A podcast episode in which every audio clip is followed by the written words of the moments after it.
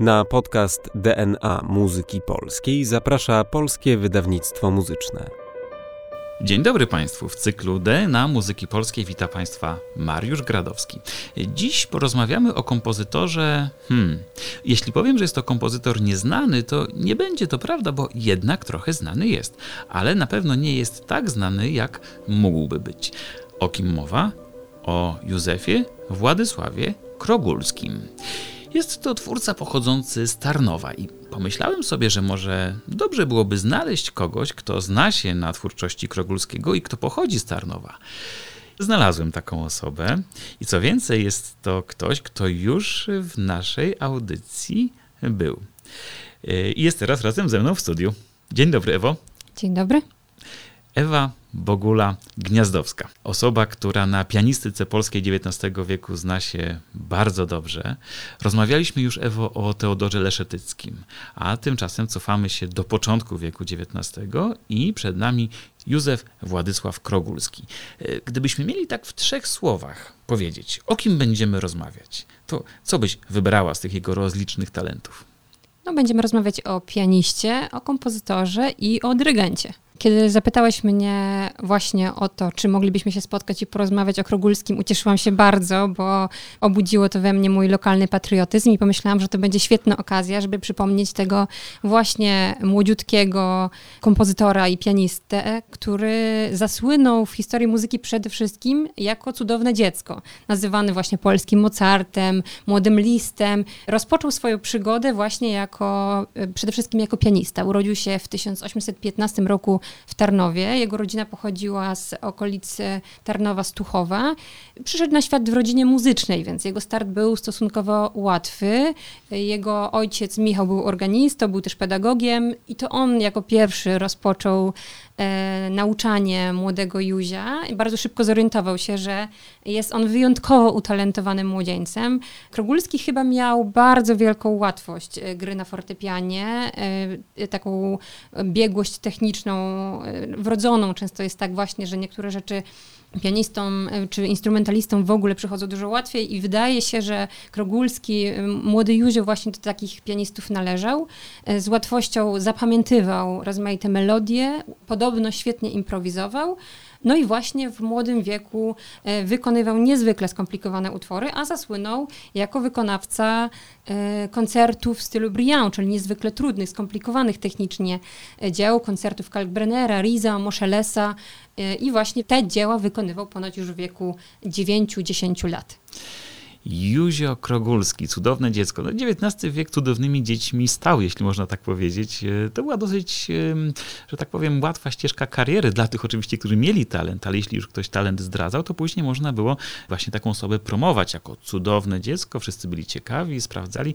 Nawet do tego stopnia było to popularne, że często zaniżano wiek wykonawców, co chyba Krogulskiego również spotykało. Tak, rzeczywiście z młodym Józiem też tak było, kiedy koncertował w 1825 roku, to prasa przedstawiała go jako siedmioletniego kompozytora i pianistę, co oczywiście było dużą przesadą, ale tak jak powiedziałeś, to była dosyć częsta praktyka, zaniżano wiek życia i braci Kąckich, którzy słynęli właśnie i robili karierę w całej Europie właśnie pod tym szyldem wspaniałych, cudownych dzieci i później Raulka Koczelskiego, o którym też już w tym cyklu rozmawialiśmy. No i Józio też wpisuje się w ten nurt. Lepiej powiedzieć, że miał mniej lat niż miał rzeczywiście. Nie umniejszałoby to dokonań Józia, gdybyśmy powiedzieli, że wykonywał koncert fortepianowy właśnie twórców stylu Briand w wieku 10 czy 9 lat.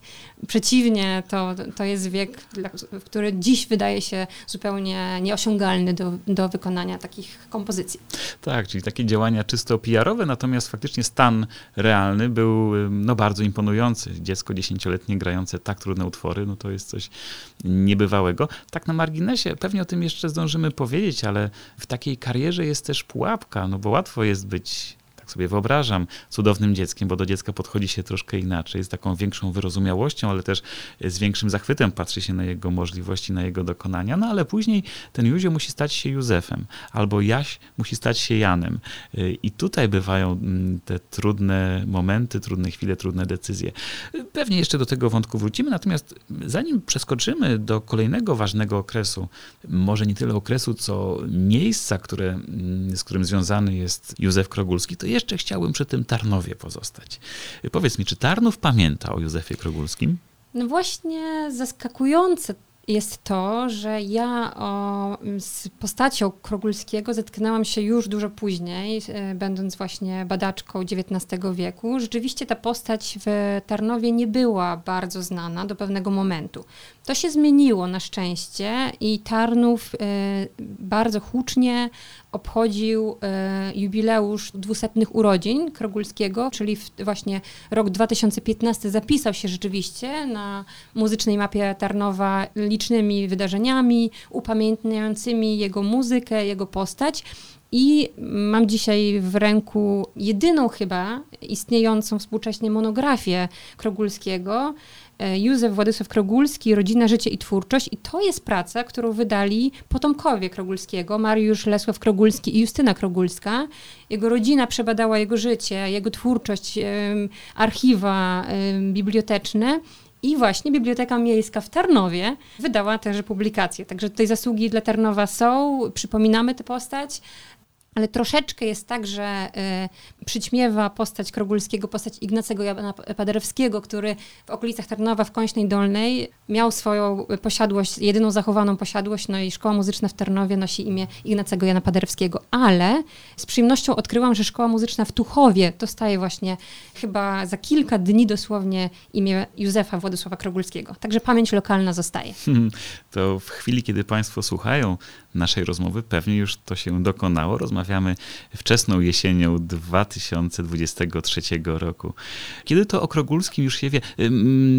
Wspomniałaś o roku 2015, to chyba był w ogóle ważny czas dla Krogulskiego, dla pamięci o nim, ponieważ o ile mnie pamięć nie myli, to wtedy ukazały się płyty wydane przez Niwc y, właśnie z kompozycjami Krogulskiego, z jego oktetem. I y, na jednej płycie jego Mazurek się pojawił, z tego co pamiętam. Rzeczywiście wśród wydawnictw płytowych Narodowego Instytutu Fryderyka Chopina pojawiły się nagrania utworów Krogulskiego, przypominane po wielu, wielu latach, bo jego koncerty fortepianowe właściwie nie były obecne na scenach muzycznych polskich i zagranicznych oczywiście tym bardziej. E, koncert fortepianowy, o którym pewnie jeszcze powiemy, e, przypominała w połowie XX wieku Regina Smędzianka, natomiast właśnie w trakcie festiwalu Chopin i jego Europa zabrzmiał dwukrotnie koncert Krogulskiego i to nagranie Howarda Shelley'a zostało um, zarejestrowane na płycie. I tak jak wspomniałeś, pojawiło się też nagranie oktetu y, i też utwory fortepianowe na płycie Tobiasa Kocha, także jakieś drobne nagranie już mamy, no i trzeba się z tego cieszyć. To jest okazja do poznawania tej naprawdę dobrej y, muzyki i y, warto, myślę, się z nią zaprzyjaźnić. Mnie najbardziej chyba podoba się finał oktetu, muszę powiedzieć, ale to jeszcze do tego wrócimy. Bo myślę, że w takiej naszej narracji od pamięci przeskoczmy znów do tamtych dawnych y, dni początek wieku XIX, rok 1815, to już wiemy, Józef Krogulski rodzi się, staje się e, chwilę potem cudownym dzieckiem, które zachwyca swoją pianistyką. E, wiemy, kto go uczył na samym początku, rodzina prawdopodobnie. Właśnie na początku pierwszym nauczycielem Krogulskiego był jego ojciec Michał, E, I to on jako pierwszy dostrzegł rzeczywiście ogromny talent muzyczny chłopca, tego późniejszego cudownego dziecka. No, chociaż ja bym chciała zwrócić uwagę na to, że Krogulski debiutował mając tam 9-10 lat. To wcale nie jest taki młody wiek jak na cudowne dziecko, tak? To, to było często tak, że te, te cudowne dzieci debiutowały w wieku 3, 4, 5 lat, a tutaj mamy dziesięciolatka i to był już dobry moment na to, żeby rozpocząć i tą karierę wirtuoza fortepianu, młodego wirtuoza fortepianu i też już w tym okresie wiemy, że Krogulski musiał podejmować jakieś próby kompozytorskie. Być może próby kompozytorskie i też próby e, występów publicznych były wcześniej, tylko po prostu nie mamy na ten temat żadnych bliższych informacji.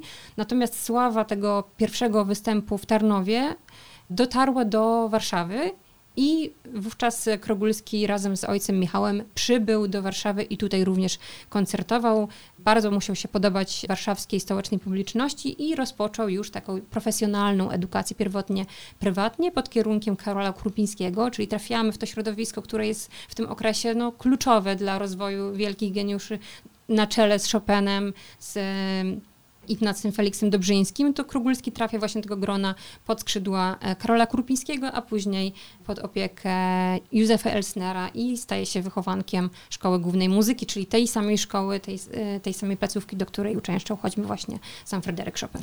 No nie uciekniemy tutaj od Fryderyka Chopina, bo jeśli jesteśmy w kręgu polskiej muzyki pierwszej połowy XIX wieku, a jeszcze w Warszawie, no to nie da się. A jeszcze pianistyka to już w ogóle się nie da. E, czy wiemy coś o relacjach Krogulskiego i Chopina?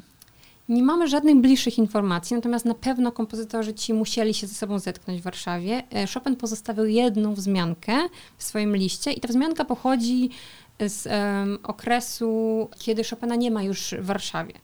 Krogulski występował ze swoim koncertem fortepianowym Edur, czyli taką pierwszą, poważniejszą kompozycją w Warszawie w grudniu 1830 roku, no, czyli z oczywistych względów Chopin nie mógł być obecny na tym koncercie. Krogulski otrzymał bardzo pozytywne recenzje ze swojego występu, a jego e, profesor Karol Krupiński w swoim dzienniku zostawił bardzo króciutką wzmiankę, pisząc o tym, że była to, to bardzo udany występ mojego ucznia Józia Krogulskiego. Chopin komentował grę Krogulskiego wcześniej, więc musiał go gdzieś słyszeć w jakimś polu mniej oficjalnym. Nie mamy informacji, gdzie to było. Natomiast no, mówił, że nie był on najlepszym pianistą. Uuu. Trudno powiedzieć, czy to było um, rzeczywiście poparte jakimś nieudanym występem Krogulskiego, czy może bał się Chopin konkurencji młodszego, e, wybitnego i, i, już rozpoznawalnego w tym czasie w Warszawie pianisty trudno dziś odgadnąć.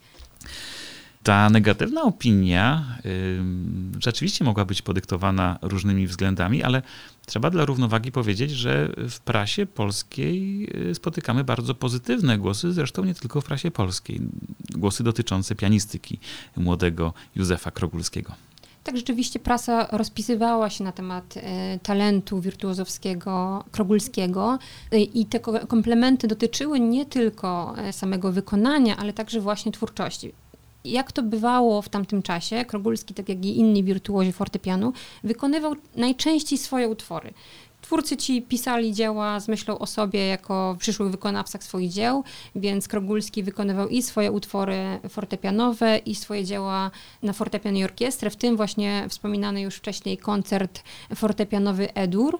I po tych występach, zarówno w Warszawie, jak i w innych miastach, bo Krogulski podejmował też turne koncertowe na zachód, występował w Poznaniu, we Wrocławiu, w Berlinie, w Lipsku, w Dreźnie. Następnie ruszał także na wschód, występował w Lublinie, w Zamościu, w Lwowie i w Kijowie. I otrzymywał zawsze bardzo pozytywne reakcje po swoich występach. Dodatkowo warto powiedzieć jeszcze, jak śledzę jego działalność i jego losy, myślę sobie, że to był bardzo dobry człowiek po prostu. On miał w sobie bardzo dużo takiego ciepła, takiej dobroci, którą chciał się dzielić ze, ze światem. I na przykład w 1830 roku, kiedy w Warszawie odbywała się premiera jego koncertu Edor, to był bardzo trudny okres dla Warszawy, bo to było tuż po wybuchu powstania listopadowego. Krogulski dochód ze swojego koncertu postanowił w całości przekazać na druki patriotyczne, na wydanie druków, które byłyby dostępne w stolicy. I takich działań e, w karierze Krogulskiego możemy wymieniać bardzo wiele. E, nauczał bezpłatnie amatorów śpiewu, przeznaczał właśnie dochód ze swoich koncertów na rzecz e, zubożałych artystów, muzyków. Był bardzo, bardzo zaangażowany właśnie w pomoc innym potrzebującym osobom. Dodajmy, że cały czas mówimy o młodym człowieku. Uporządkujmy trochę daty.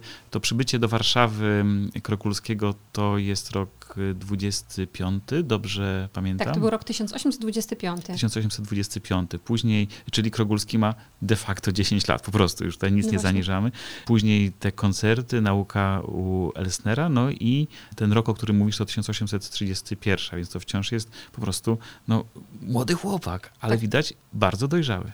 Tak, w 1830 roku, kiedy miała miejsce premiera jego koncertu, on miał 15 lat. On skomponował dzieło z towarzyszeniem orkiestry, trzyczęściowy koncert fortepianowy, który zyskał bardzo pozytywne recenzje prasy które sam wykonywał z orkiestrą i jeszcze dochód z tego koncertu przeznaczył na cele patriotyczne, no to jest myślę wyjątkowa postać i wyjątkowa postawa.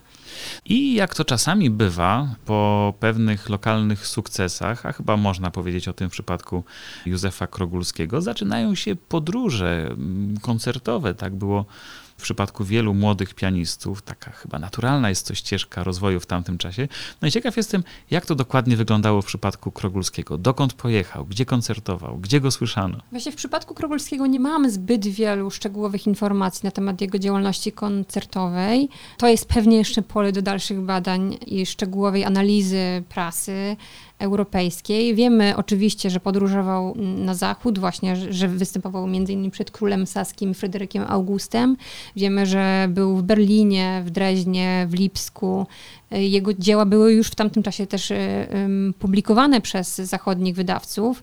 W kolejnych latach podróżował też na wschód, do Lublina, Zamościa, Lwowa dotarł aż do Kijowa. Natomiast nie, nie, kontynuował tych podróży koncertowych. Te hipotezy są różne, Natomiast prawdopodobnie właśnie Krogulski już w tym czasie zaczął odczuwać pierwsze kłopoty zdrowotne.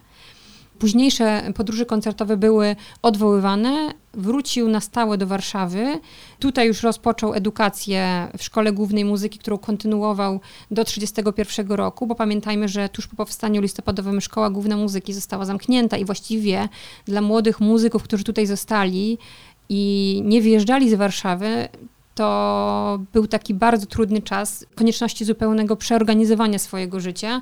No i Krogulski znalazł się w tej takiej niewygodnej sytuacji, w której nie mógł kontynuować oficjalnej edukacji pod kierunkiem Elsnera, więc edukację w Warszawie kontynuował prywatnie.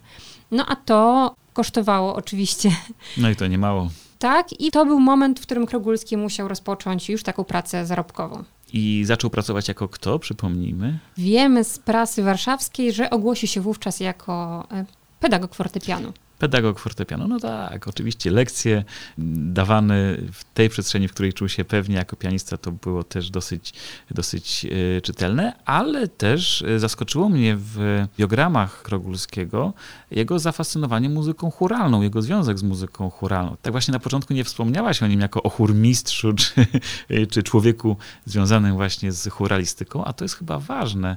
Do jakiego stopnia powinniśmy pamiętać o tej przestrzeni działań Józefa Krogulskiego? Tak, to rzeczywiście jest niezwykle ważna przestrzeń późnej działalności Krogulskiego. Krogulski młody był przede wszystkim pianistą i cudownym dzieckiem. Później rozpoczął równolegle też pracę kompozytorską, czyli mieliśmy Krogulskiego przede wszystkim kompozytora, następnie pedagoga fortepianu, ale myślę, że ta pedagogika to była przede wszystkim po prostu metoda zarabiania pieniędzy. I w końcu właśnie w tym ostatnim etapie swojego życia Krogulski poświęcił się działalności też pedagogicznej, tylko właśnie prowadząc chóry amatorskie. Chóry, w których nauczał i to pierwotnie też nieodpłatnie. Panny z uboższych rodzin i sieroty w Instytucie przy Kościele Świętego Kazimierza na Tamce, czyli bardzo blisko miejsca, w którym rozmawiamy. Prowadził tutaj chóry i komponował dzieła, które właśnie te chóry amatorskie wykonywały. Czyli właściwie poświęcił się muzyce churalnej, i muzyce religijnej. To była ta główna płaszczyzna jego późniejszej działalności kompozytorskiej. A co możemy powiedzieć o tej twórczości churalnej? Czy ona w ogóle zachowała się? Czy, czy możemy jej posłuchać? No właśnie, mało kto wie, że Krogulski jest autorem około 100 dzieł. Troszkę wiemy o jego kompozycjach fortepianowych, kompozycjach na fortepian i orkiestrę, o drobinkę wiemy o kameralistyce Krogulskiego, a bardzo mało wiemy o tej późnej twórczości churalnej. I to nie jest tylko twórczość e, pisana dla chóru, ale z czasem przeradza się w bardzo poważną działalność e, kompozytorską, dlatego że ta działalność e, Krogulskiego jako dyrygenta churalnego przeradza się też w powstanie, założenie właściwie takiego instytutu śpiewu. On po prostu poświęcił się tym amatorom, których uczył, kształcił i to owocowało późniejszymi, poważniejszymi zatrudnieniami przy kościele ojców pijarów. I z czasem przeradza się to w bardzo poważną działalność twórczą w zakresie kompozycji wokalno-instrumentalnych w ogóle. Czyli tworzy dziesięć mszy, tworzy poważne oratorium na Wielki Piątek, tworzy hymny, jest obecny co tydzień w kościele. Co tydzień ta msza z udziałem Krogulskiego, prowadzonych przez niego zespołów churalnych, z jego akompaniamentem na organach, jest uświetniana muzyką na żywo. No dzisiaj marzylibyśmy sobie o takiej Hmm. oprawie i to jest twórczość, która zachowała się do naszych czasów, no ale niestety czeka, wciąż jeszcze czeka na, myślę, przypomnienie, na wydanie. E, rękopisy tych dzieł bardzo często czekają w archiwach na badaczy, no i wykonawców. No ale to świetna wiadomość, bo często jest tak, że nie zachowały się żadne utwory, nie wiadomo, wiadomo, że były, wiadomo, że były piękne, bo takie są głosy prasy, takie są y, fragmenty listów i tak dalej, no ale nie ma tych utworów, no bo rękopisy spłonęły, a wydania, jeśli były, to przepadły. A tutaj są, no to to jest świetna wiadomość, tylko trzeba poprosić tych, którzy na przykład nie wiedzą, co mają ze swoim muzykologicznym życiem zrobić, którą ścieżką badawczą pójść, proszę bardzo, Józef Krogulski, pójść, zbadać, wydać, później pokazać muzykom, później doprowadzić do wykonania. No jest, jest co robić, ale to bardzo, bardzo krzepiące tak na dobrą sprawę, bo jest jakieś światełko w tunelu, że kiedyś tę twórczość poznamy także z odsłuchu. A powiedz mi, czy miałaś może możliwość zerknięcia chociaż do części tych zapisów, żeby wyrobić sobie zdanie na podstawie samego zapisu, na podstawie samej partytury, jaka to jest muzyka? Tak, oczywiście do tej pory ja się zajmowałam przede wszystkim muzyką fortepianową Krogulskiego i tutaj y, rękopis jego koncertu Edur jest dostępny i pozwala właśnie na tą szczegółową dosyć analizę. Tu sytuacja jest dobra, ponieważ mamy też nagrania, więc bardzo łatwo sobie wyrobić zdanie y, na temat tej właśnie twórczości w takim typowym dla tego okresu stylu Briand. Mamy też drugi koncert Hamol. On się niestety nie zachował w całości, mamy tylko fragmenty. No i też pozwala nam to mniej więcej wyobrazić sobie, w jakim kierunku rozwijał się Krogulski jako pianista i jako kompozytor tych dzieł na fortepian i orkiestrę. Mamy troszeczkę wydań wczesnych jego utworów. No a jeśli idzie o tą twórczość religijną, no to tutaj mamy troszkę gorszą sytuację, natomiast właśnie też częściowo te rękopisy są zachowane i możliwość badania, poznania tej muzyki jest. Recenzje prasowe z tamtego czasu też bardzo pozytywnie odnoszą się do twórczości religijnej Krogulskiego. Te jego msze, czy właśnie to jego dzieło, ostatnie poważne dzieło, czyli właśnie oratorium na Wielki Piątek, które zostało wykonane w 1841 roku. Krogulski miał wtedy 25 lat. To było bardzo poważne dzieło z głosami solowymi, z chórem. I oczywiście całość prowadził Krogulski jako dyrygent, dlatego ja w tym aspekcie mówię o nim jako o dyrygencie, nie tylko o kompozytorze. To było dzieło, po którym Krogulski miał powiedzieć, że spełni swoje marzenia jako kompozytor i on teraz może umierać. Aj, naprawdę tak powiedział. Są głosy i zapiski świadków, które właśnie odnotowały tę jego wypowiedź. No i to były słowa prorocze, bo Krogulski był już w bardzo złym zdrowiu w tym okresie. To był oczywiście marzec, tak, no bo Wielki Tydzień, marzec 1841 roku. No i Krogulski pod koniec 1941 roku już właściwie wycofywał się z działalności i kompozytorskiej, no i przede wszystkim tej działalności dyrygenckiej, tego prowadzenia tych chórów, które wiernie właściwie z nim współtworzyły tę działalność religijną e, na ulicy Świętojerskiej. Wycofywał się stopniowo, e, zapadał na zdrowiu, no i zmarł na początku 1842 roku na gruźlicy. w wieku 26 lat. To dlatego tak westchnąłem, ponieważ to było prorocze, ale też teraz sobie myślę, że no, musiał sobie zdawać sprawę ze stanu swojego zdrowia, tym bardziej, że już od dłuższego czasu te choroby pojawiały się jako pewne perturbacje w rozwoju jego kariery. Musiały być koncerty odwoływane ze względu na to, że tu i ówdzie no, nie był w stanie wystąpić z tego właśnie powodu.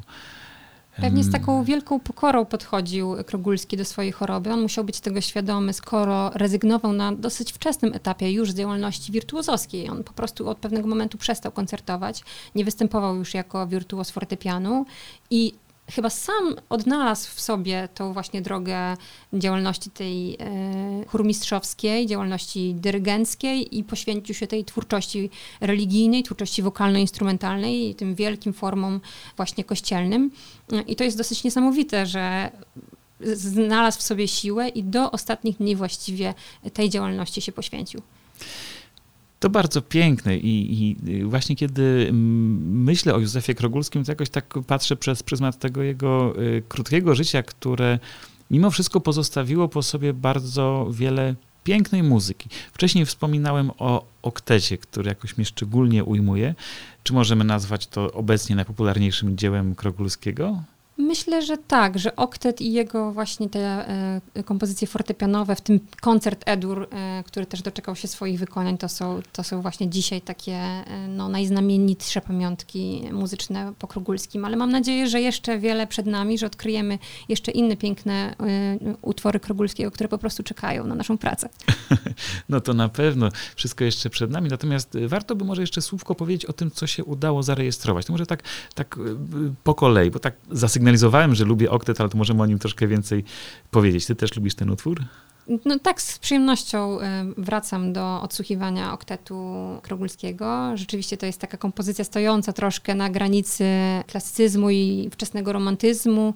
Dzieło typowe, jeśli chodzi o aspekty formalne, ale bardzo interesujące, jeśli idzie o, o i rozwiązania melodyczne i o bardzo odważne podejście do harmonii. Ono nie jest może przełomowe w takim sensie historycznym, ale widać, że Krogulski bardzo świadomie korzysta z takich y, form i z techniki, że panuje bardzo dobrze warsztatem kompozytorskim, no i kompozycja zasługuje zdecydowanie na to, żeby częściej brzmieć na estradach koncertowych. No mnie ujmuje jej lekkość i rzeczywiście to, co ty powiedziałaś, że Słyszę, że to nie jest kompozycja przełomowa. Też, no, gdyby była przełomowa, to pewnie też y, w podręcznikach do historii muzyki by się pojawiała częściej niż się pojawia, ale jednocześnie, kiedy y, słucham nagrania oktetu y, Józefa Krogulskiego, to mam wrażenie, że właściwie nic mi więcej nie trzeba. Jako słuchacz nie mam w ogóle wrażenia braku. To jest takie poczucie obcowania z piękną muzyką, która nie musi niczego udowadniać. Ona nie musi mierzyć się z Chopinem, nie musi się mierzyć z innymi kompozytorami. Po prostu jest pięknym znakiem wrażliwości muzycznej, która świetnie zniosła próbę czasu. Bardzo lubię wracać do tej kompozycji, szczególnie do finału. No finał jest taki zadzierzysty, konkretny, porywający. Bardzo dobrze się tego słucha. A przy tym pamiętajmy, że oktet to jest rok 1832, czyli Krogulski miał lat 17? 17 lat. Bardzo młody kompozytor. A koncert fortepianowy, co powiesz o jego koncercie fortepianowym, tym zachowanym w całości, tym, którego nagranie mamy?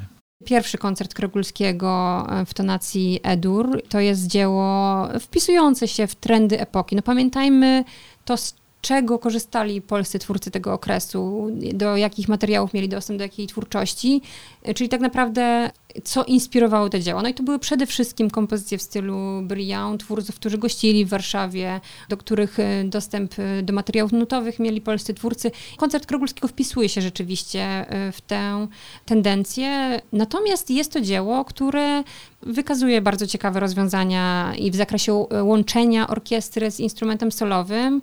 Stosuje Krogulski kilka bardzo ciekawych rozwiązań, przełamywania typowej formy, prezentowania solisty, jego możliwości technicznych, to było typowe dla tego czasu, ale z drugiej strony e, dzieło to nie jest takie przeładowane tą techniką, tą wirtuozerią, jednak te piękne też pomysły tematyczne e, no, zachwycają i też powodują, że z przyjemnością wracamy do tego dzieła. To jeszcze jeden wątek chciałbym tutaj poruszyć, bo Rozmawiamy w naszym podcaście o tych nitkach stylu narodowego, o tych nitkach DNA, które kształtują polską muzykę tamtego czasu, ale która również promieniuje na wiek XX. Ciekaw jestem, jakie narodowe wątki najbardziej odbijają się w muzyce Krogulskiego. No Mazurki a la Chopin, to jest oczywiste. To, to rzeczywiście coś, co u niego spotykamy, ale co jeszcze? Co byś tutaj wskazała? W ogóle możemy przy tej okazji przypomnieć o bardzo dużym zaangażowaniu Krogulskiego w działalność patriotyczną no tak. i to właśnie powodowało, że Krogulski chętnie sięgał po pieśni, które były wówczas w Warszawie popularne, opracowywał je w swoich utworach fortepianowych w postaci różnych wariacji, fantazji. Mamy jego opus pierwsze, Piękna Krakowianka, tak sięga po elementy tradycji regionu, z którego właściwie pochodzi sięga po popularne pieśni militarne, opracowuje je i wiadomo, że one w Warszawie były w ogóle popularne i śpiewane przez y, cały XIX wiek jeszcze. Czy batalia, czy marsz wojskowy, to było dowodem na wielkie zaangażowanie nie tylko Krogulskiego, ale podobno całej jego rodziny w wydarzenia 30-31 roku w Warszawie, w działalność na rzecz powstańców, pomoc powstańcom. No i to były te metody, którymi Krogulski jako kompozytor mógł pomagać. Po prostu sięgał po te melodie, które były dla e, mieszkańców stolicy wtedy ważne. I to chyba się udawało. To może, żeby dopełnić jeszcze obrazu kompozytorskiego Józefa Krogulskiego, wspomnijmy o operze, którą pozostawił. Operze, która ma bardzo przyjemny tytuł. Krogulski pozostawił po sobie też e, operę komiczną Oj Żoneczko, która no, chyba jest dopełnieniem tej jego ogromnej spuścizny kompozytorskiej, właśnie obejmującej około 100 kompozycji. Po takie utwory sceniczne sięgał jeszcze w późniejszym okresie, ale wiadomo, że dalszych takich dzieł scenicznych po prostu już nie zdążył ukończyć. Ale czy opera Oj Żoneczko zachowała się? Mamy ją w rękopisach? Zdaje się, że opera Oj Żoneczko y, czeka jeszcze na opracowanie, także rękopis tego dzieła jest dostępny. No nie, naprawdę. To nic tylko trąbić, krzyczeć, nawoływać. Kochani muzykolodzy, zbierzcie się i patrzcie, co tutaj mamy jeszcze do, do opracowania, do wydania. Oj, żoneczko, no posłuchałbym, posłuchałbym, przyznam szczerze. Uśmiecham się teraz, aczkolwiek y, tak trochę smutno mi, kiedy myślę o Krogulskim, ponieważ no, wspominasz o późnym okresie, ale to 26 lat, to ile on jeszcze mógł napisać? Gdyby chociaż żył drugie tyle, to wciąż jeszcze zmarłby jako młody człowiek, a przynajmniej człowiek w sile wieku, ale jeszcze nie w podeszłym wieku, a tymczasem 26 lat. Zresztą to jego życie rodzinne też nie było bardzo, yy, bardzo radosne, powiedzmy szczerze. No, no, no, no niestety ta sfera życia prywatnego nie była zbyt szczęśliwa w przypadku Krogulskiego. Co prawda, w prowadzonym przez siebie chórze on poznał swoją żonę, Ludwikę, i wydaje się, że była to wielka miłość. Zresztą w 1938 roku zorganizowano do tej pary bardzo huczne zaślubiny i wesele, nawet z udziałem samego Józefa Elsnera, który dla pary miał napisać na tę okazję specjalną pieśń weselną. No tak, a później niestety okazało się, że co prawda para doczekała się dwóch córeczek, ale y, one zmarły przedwcześnie w wieku niemowlęcym. No i całkiem w niedługim czasie później także sam Józef Krogulski z tego świata odszedł. Y, no i tym bardziej myślę, że dzisiaj powinniśmy o nim pamiętać, że skoro był taki człowiek, taki kompozytor, który pozostawił po sobie tak wiele dobrej muzyki, może nie przełomowej, tak jak pisano w tamtym czasie, bo przecież przypomnijmy, porównywano go do Mozarta, to wspominałaś o tym, ale także do geniusza Rossiniego. Przywoływano tych największych twórców, może z pewną przesadą, dzisiaj to możemy przyznać, ale przecież to nie jest kluczowe, żeby się ścigać z tymi największymi. Ważne jest, że pozostała muzyka, która chce być słuchana, która, która domaga się wykonywania i dla mnie, muszę przyznać, te zarejestrowane utwory Krogulskiego były bardzo miłym zaskoczeniem. To są bardzo dobre rzeczy i myślę, że jakoś naszym obowiązkiem jest pamiętanie o nich i przypominanie o nich w różnych rozmowach. A jeśli pamiętamy jeszcze, że wyszły spod ręki człowieka młodego, no to jakoś jeszcze inaczej się na nie patrzy. No właśnie dla, tym bardziej zasługuje ta postać Krogulskiego na przypominanie, nie tylko dlatego, że zostawił nam tę um, obszerną i, i ciekawą e, spuściznę kompozytorską, ale też myślę właśnie o tym, od czego zaczęliśmy, czyli o tym, że on po prostu był dobrym, zaangażowanym w życie stolicy e, patriotą, Polakiem i wspaniałym człowiekiem. A zatem człowiek rodem z Tarnowa, całe życie związał jednak z Warszawą. Tutaj też został pochowany. Jego grób rodzinny znajduje się na warszawskich Powązkach. Kto wie, może któregoś razu, jeśli trafią Państwo na ten wspaniały warszawski cmentarz, znajdą Państwo grób Józefa Krogulskiego, zapalą świeczkę, pomyślą o jego życiu, o jego muzyce, a może posłuchają Państwo jego kompozycji, a może do tego czasu nowe kompozycje zostaną wydane, opracowane i zarejestrowane. Kto wie, tego sobie życzmy. Tymczasem bardzo Państwu dziękuję za dzisiejsze spotkanie. Ewo, Tobie dziękuję za to, że zgodziłaś się na ponowną wizytę w cyklu DNA Muzyki Polskiej. Kto wie, może jeszcze kolejne spotkania przed nami, a tymczasem bardzo Ci dziękuję. Dziękuję za zaproszenie. I żegnam się już z Państwem, zapraszając na kolejne odcinki naszego podcastu. DNA Muzyki Polskiej ma jeszcze wiele tajemnic, które postaramy się rozwikłać, pokazać i o których będziemy rozmawiać. Dziękuję bardzo. Do usłyszenia. Mariusz Gradowski. Wydawcą podcastu DNA Muzyki Polskiej jest Polskie Wydawnictwo Muzyczne. Zapraszamy na kolejne odcinki oraz do śledzenia naszych mediów społecznościowych.